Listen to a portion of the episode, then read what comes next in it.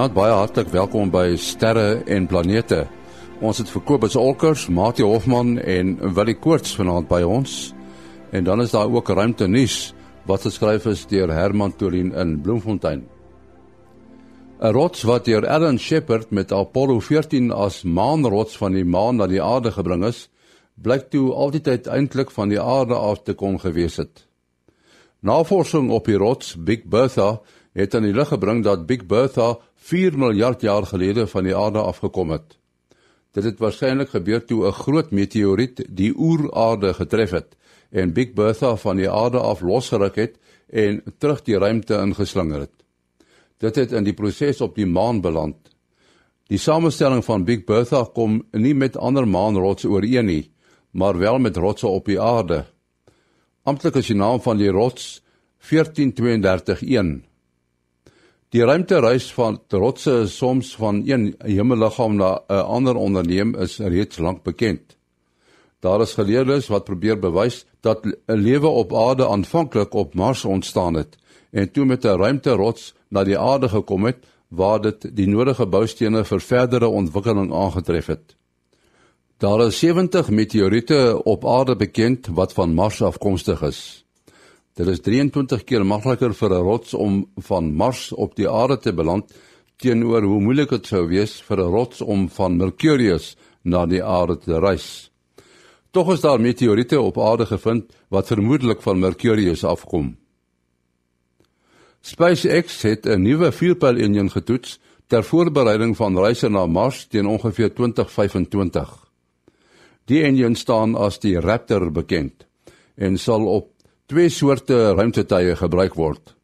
Starship wat 100 passasiers na onder meer die maan kan neem, sal met 7 Raptor engines toegerus word en die Super Heavy sal oor 31 engines beskik. Beide tuie sal hergebruik kan word. Tot sover dan ruimtenis wat geskryf is deur Herman Torin in Bloemfontein. Nou vanaand het ons ons uh, span hier, jy ken nou al die span so die tweede Sondag in die maand. Dis uh, Kobus Olkers in uh, Florida daar in Amerika. Ons het vir uh, Mati Hofman. Hy is natuurlik in Bloemfontein waar dit 'n uh, bietjie gereën het die afgelope tyd. Uh by die uh hy is by die Boyden Sterrewag, die digitale planetarium in die Universiteit van die Vrystaat en natuurlik ook vir Willie Koorts van die SAAO.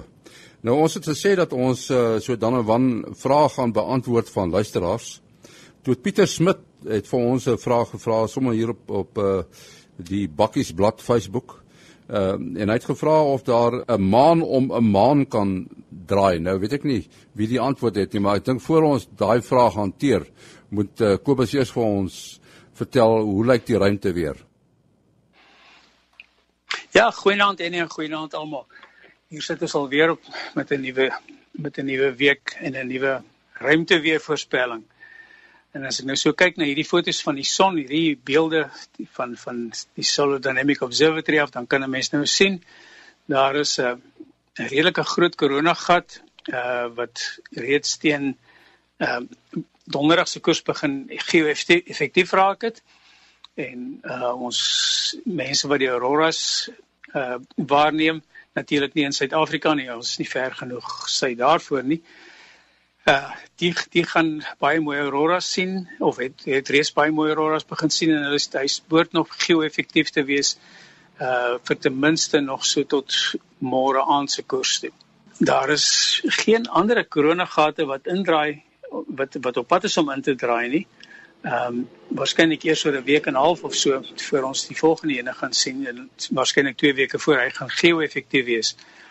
Dan as nou kyk na die magnetiese aktiewe areas op die son is daar nou nogal vreemd. Ons kry ons het nou die afgelope 4 weke elke week so aktiewe area gesien wat eintlik snaaks is vir hierdie tyd van die sonsiklus wat dit veronderstel is om baie stil te wees. En uh die ouetjie is natuurlik ook daar en as mense nou gaan kyk na die ekstra fotos uh, van die son sien mens die pragtige bo van magnetisme wat uh, wat mense daar sien in die plasma van die son.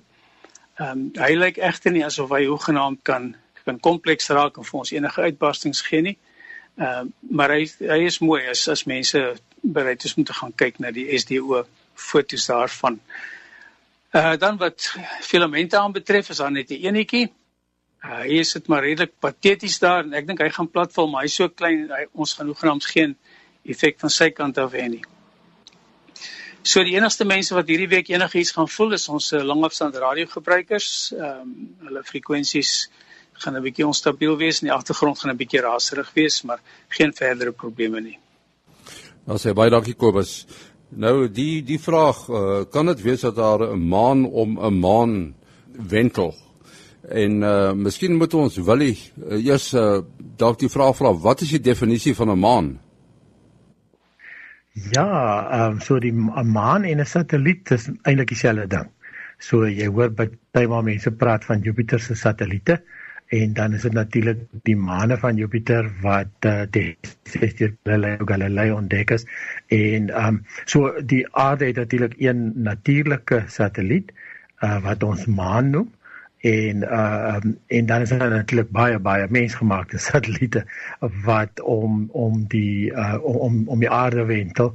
En so ook uh Jupiter as ek reg onthou is die ou met die meeste maane dit trek al in die 70 en Saturnus is uh, uh nie ver agter nie ook die hoog in die 60 en um nou kan 'n mens ook dink aan die ringe van Saturnus uh, uh elkeen van daai brokstukke wat so groot is soos 'n baksteen tot 'n yskas is maar die wat die ringe vorm is eintlik ook 'n maandjie op sy eie. En nou moet jy begin wonder waar be, begin jy nou af te uh, begin jou definisie van 'n maan op te hou en en net 'n brokstukkie.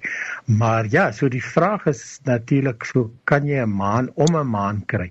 En um ons het al wel gesien dat uh, baie van die asteroïdes het ietsie wat saam met hom wentel.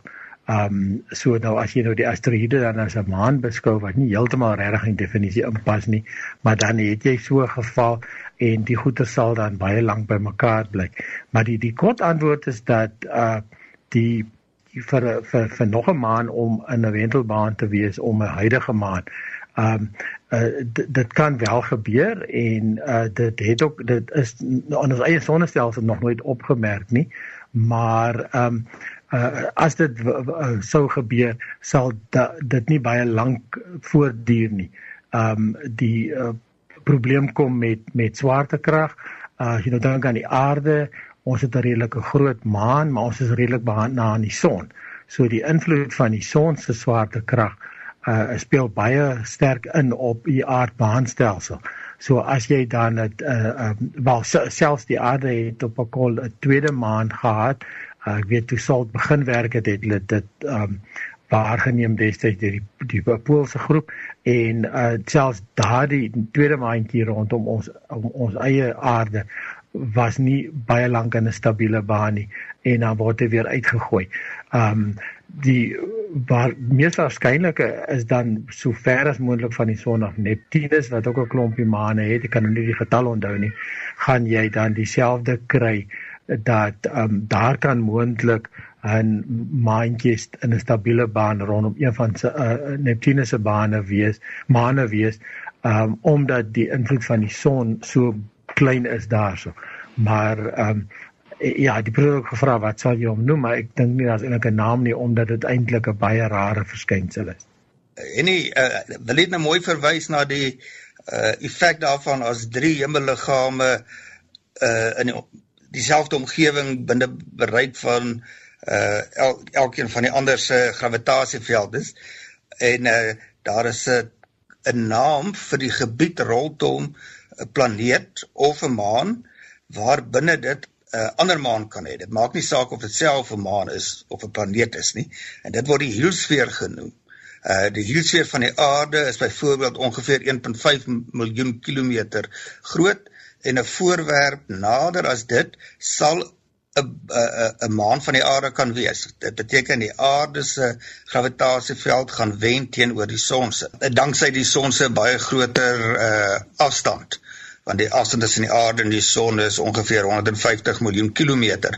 As ons nou na die die maan kyk eh, wat op 'n afstand van so amper 400 000 kilometer vanaf die aarde is, die maan se heusfeer uh strek tot ongeveer 60 000 kilometer bo die maan. So vir die maan om 'n maand maandjie te kan hê, moet daardie voorwerp nader as 60000 km aan die maan wees. As dit nou daar naby aan die grens uh, is of net buite dit, dan gaan daai proses nou plaasvind soos wat uh wil jy verduidelik dit is onstabiel en dit gaan nie baie lank uh 'n stabiele stelsel wees nie. Daai voorwerp gaan uitgegooi word selfs uit die sonnestelsel dalk of in 'n baan om die son beland.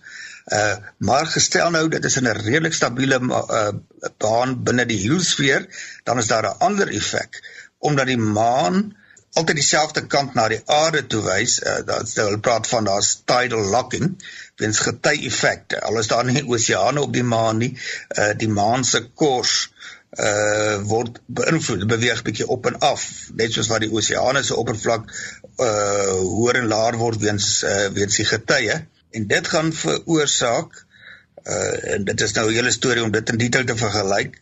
Ehm um, en dit dieselfde die effek gaan op daardie voorwerp self ook werk dat hy gaan energie verloor en sy hy sal uiteindelik inspiraal en met die maan bots. So hy's of onstabiel na buite toe as hy te ver is en as hy naby genoeg is, is dit ook onstabiel maar oor 'n baie langer tydperk. So dit is min of meer die die die fisika wat daarso ter sprake is en dieselfde gaan geld vir enige eh, drie voorwerpe waarvan die een nou 'n planeet, die ander 'n maan is of jy kan 'n maan om 'n maan kry of 'n dwergplaneet, daar's baie moontlikhede van drie liggaamprobleme. Dieselfde beginsels gaan geld. Eh, die verskil gaan nou net wees die tipiese grootte van die bane en die grootte van die heliosfeer. Ja, dan moet ons ook gesels oor 'n uh, eh, ander verskynsel en dit is dat daar 'n uh, konveksie vlekke op 'n rooi reus gesien is. Nou is dit belangrik Kobus. Jong, die feit dat dat hulle konveksievlekke uh, waargeneem het, is eintlik die belangrike ding. Jy weet dat mense dit nou reg gekry het om uh na 'n uh, ver ver af ster te kyk en detail op hom te sien wat hulle nou al raai dat hulle dat dit konveksievlekke is sê sê en dit vreeslik baie vir die optika wat die mense begin regkry. Vroeger het ons nooit gedink het dat die dat ehm um, dat die aarde se se se atmosfeer ons sal toelaat om so iets te doen nie. En dit sê natuurlik baie vir die vir die uh, aanpasbare optika wat die mense deesdae bou. Maar om terug te kom oor die oor die vraag na die konveksievlekke self toe, uh, dit is glad nie vreemd nie. Elke ster het het konveksie, die ehm uh, ster het, het maar basies 'n 'n 'n paar onderdele, die uit heel in die middel het hy 'n 'n 'n kernreaksie wat aan die gang is wat wat fusie is. En dit ding gee genoeg krag om dan die deel bokant om te verwarm waar jy gewoonlik dan net straling het wat wat uitgaan. En dan kom jy by 'n plek waar dit nou al waar die gravitasie laag genoeg is dat jy 'n vloeistof kan sien. Is 'n uh, maar maar 'n plasma tipe ding en daar kry is dan nou waar al jou konveksie plaasvind. En konveksie is nou niks anders as net die gewone effek wat 'n mens sien as jy eh, 'n uh, pot kookwater kook nie. Die die beweging van die vloeistof binne in in hierdie pot is is word word uh, kan kry mense as gevolg van die verskynsel van konveksie. En ons ons eie son het 'n konveksiesone en dit is natuurlik in daardie konveksiesone waar al die al die magnetiese aktiwiteit opgewek word want dit is eh, 'n uh, klomp goed wat suiwer geleiers is daar. En ons weet mos nou van ons uh, hoërskool fisika of dat as as jy 'n uh, elektron het wat rond beweeg wat rond uh, in 'n in 'n spesifieke pad beweeg dan werk hy 'n uh, uh, elektriese stroom op of althans die die die die die elektrone wat beweeg is die elektriese stroom en dan werk hy natuurlik 'n magneetveld op uh, loodreg op hom ja, soos wat ons met ons uh, linker en regterhand se duimreëls baie mooi uh, dan van kon onthou. So uh, dit is die konveksie wat dan die magnetisme van die van die son veroorsaak of van die spesifieke ster. Ons ster is nou 'n 'n G-klas uh, ster. Uh hierdie ehm um, een wat hulle raak gesien het is een van die S-klas sterre en dit is 'n baie rare verskynsel van 'n van 'n rooi reus. En dit is eene wat ehm um, 'n baie stadige 'n fusieproses in hom het.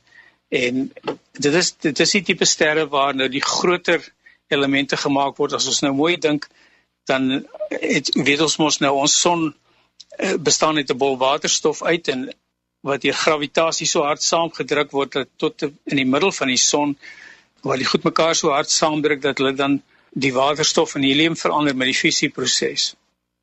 En wanneer natuurlik wanneer die waterstof op is, dan dan gaan die helium nou weer bietjie saamdruk en dan gaan dit nou weer alin nog bietjie swaarder elemente maak, maar dit is sover as dit ons kom met ons tipe ster.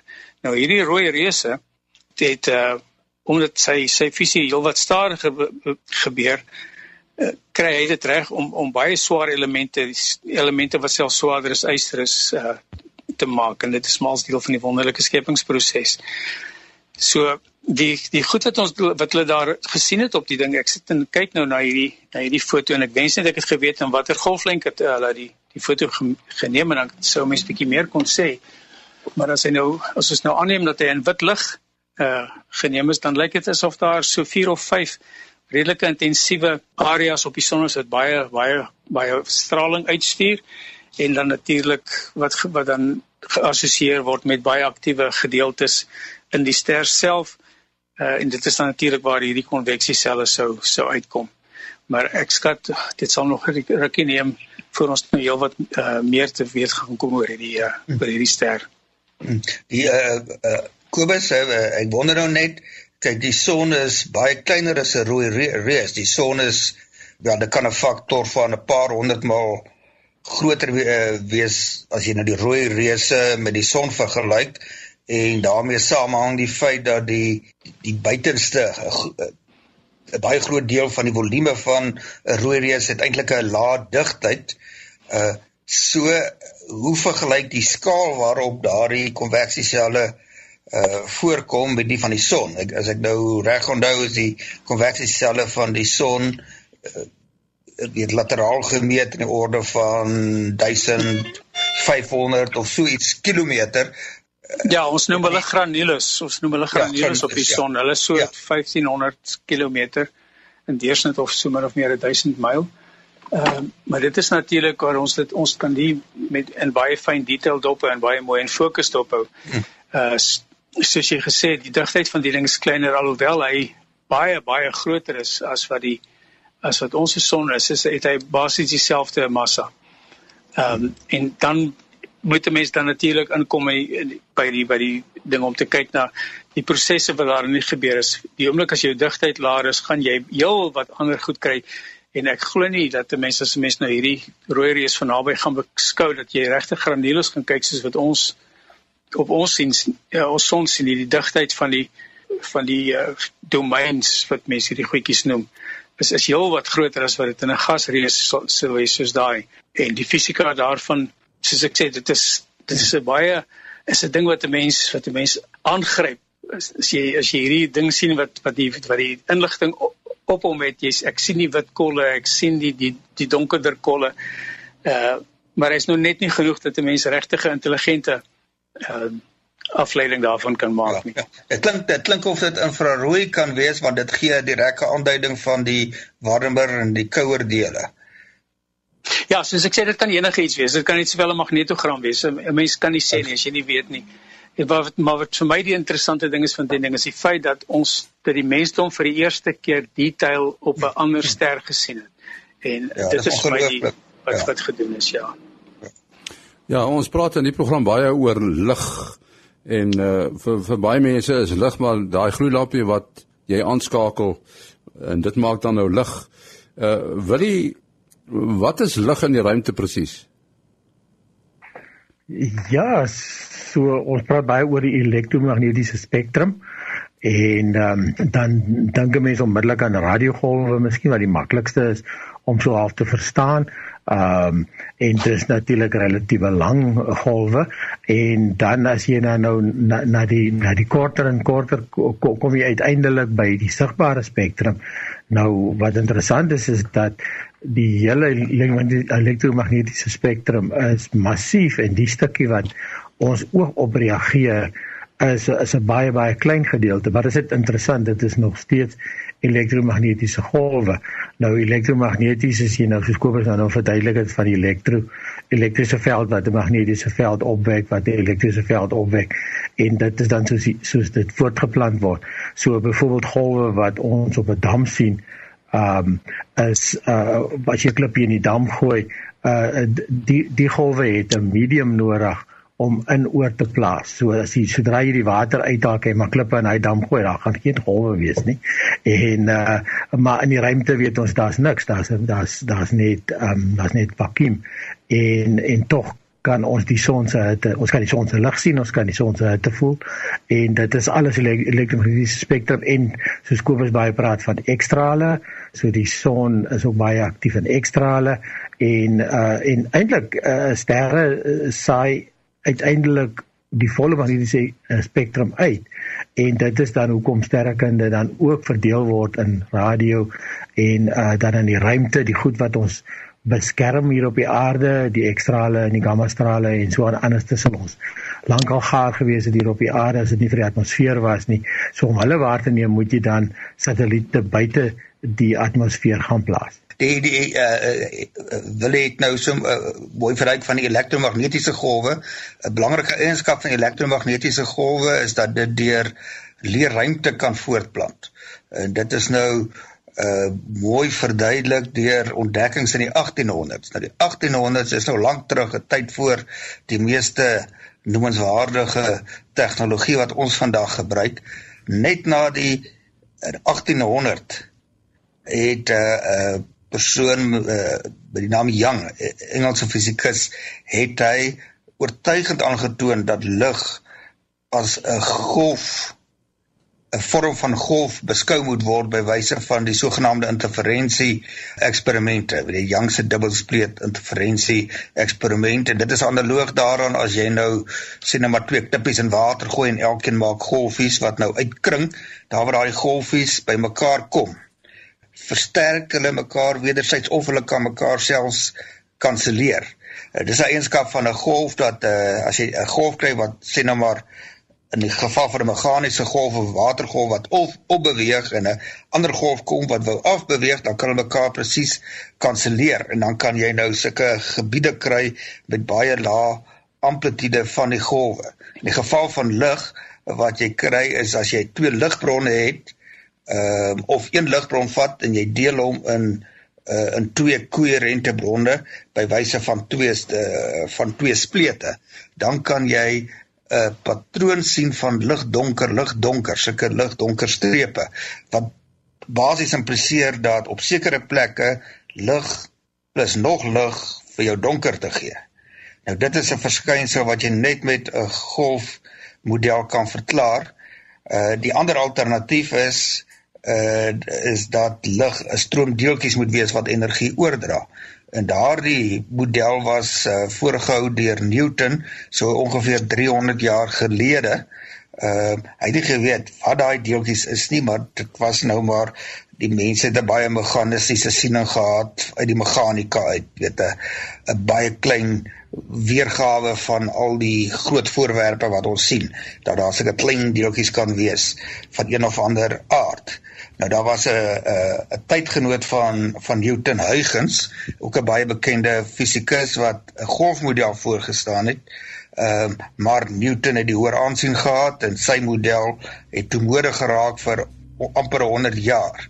So daar was 'n deeltjie model en daar was 'n golfmodel, maar 'n deeltjie model kan jy nou mos nou insien, sê nou jy het maar een stroom deeltjies of een bundel deeltjies wat by 'n bepaalde punt 10 deeltjies per sekonde sou aflewer en jy het 'n tweede bundel deeltjies wat ook 10 deeltjies uh per minuut by die punt aflewer, dan gaan die twee saam 20 deeltjies per minuut aflewer. Jy tel die getalle bymekaar. Jy gaan nie 10 minus 10 nul deeltjies per minuut kry nie. En dis presies wat met lig waargeneem word uh dat daar die sogenaamde destruktiewe interferensie kan plaasvind, 'n kansellasie van lig deur ander lig. Uh dit is maar net eenvoudige vreemde uh, golfverskynsel. So die hele 1800s deur het die mense nie die geringste twyfel daaroor gehad dat lig een of ander vorm van golf is nie. Maar as jy nou van 'n golf praat, in Engels praat ons natuurlik nou van waves, dan kan jy vra maar what is waving? wat beweeg op en af of fluktueer? Wat 'n golf is 'n oscillasie van een of ander fisiese entiteit. En daar het die groot deurbraak in die 1860s deur Maxwell gekom wat uit al die wette van die elektrisiteit en die magnetisme het hy pragtige wiskunde gedoen vanuit vier die vier basiese wette van elektrisiteit en magnetisme wat in 'n gesofistikeerde wiskundige vorm ge, geskryf was en hy het aanvoorspel dat daar iets soos elektromagnetiese golwe moet bestaan. Elektriese golf kan jy met so 'n pyltjie voorstel wat 'n rigting het en 'n grootte en daar's daai uh grootte verander dan indiseer dit dan veroorsaak dit loodreg daarop 'n magneetveld wat jy ook met 'n pyltjie kan voorstel. En die magneet soos die elektriese veld verander, verander die magneetveld en die magneetveld wat verander veroorsaak weer 'n elektriese veld wat verander. En dan kry jy daardie selfvoortplantende effek en uit die basiese konstantes van elektrisiteit en magnetisme het Maxwell voorspel dat daardie spoed van daardie golwe moet uh ongeveer 300 000 km per sekonde wees. En uh dis dieselfde as die spoed van lig uh wat hulle nou uh geweet het op daai stadium van Faraday dit is 'n golf. So dit gesuggereer lig is 'n elektromagnetiese golf. Nou wat Gauss voorspel het is in die 1880s deur Hertz eksperimenteel bevestig. Hy kon sulke golwe wat nie gesien kon word nie kon hy opwek en uh, bevestig dit gedraal net soos wat Maxwell uh voorspel het. So nou kon daar mos geen twyfel wees dat lig is 'n vorm van golwe nie, wel elektromagnetiese golwe. En toe in 1905 toe kom Albert Einstein en hy gooi die appelkar weer om. en hy toon hy toon oortuigend aan na aanleiding van die sogenaamde fotoelektriese effek waarin 'n uh, 'n uh, lig veral ultraviolet lig elektrone uit uh, metaal uitskop en op uh, met die analise en metings van die energieoordrag kon jy aan kon hy aantoon dat die lig die energie net in pakkies kan oordra en nie soos 'n golf nie 'n golf dra mos nou die lig gelykmatig oor maar 'n deeltjie as 'n deeltjie 'n botsing het dan draai al daai energie op eens oor nie soos 'n uh 'n golf of 'n klankgolf of 'n liggolf wat aan mekaar bietjies vir bietjies energie oordra nie. En daar heers toe groot verwarring. Nou is lig oortuigend deeltjies, bundels deeltjies en is oortuigend golwe en wat is nou die waarheid? En daardie konsep van die golf deeltjie dualisme ontstaan wat uh 'n dominerende effek op die ontwikkeling van die moderne fisika gehad het en tot vandag toe is ons verwar. Niemand weet regtig wat is lig nie. Al wat ons kan sê, partykeer uh gedra dit dit soos golwe en partykeer gedra dit dit soos deeltjies jy moet maar net weet uh wanneer om watter model te gebruik. Ons kon nog nie agter die dieper werklikheid kom wat dit regtig is nie. Op daai ligte noot spreekwoordelik gesê, moet ons uh, afsluit uh, mate jou besonderhede. Uh selfoonnommer 083 0836257154 die mense moet my net nie vra wat presies is lig daar nie. Okay dan Willie? Uh 072 4579208 0724579208 en dan Kobus Kobus Olkers by gmail.com uh K O B U S O L C K E R S by gmail.com.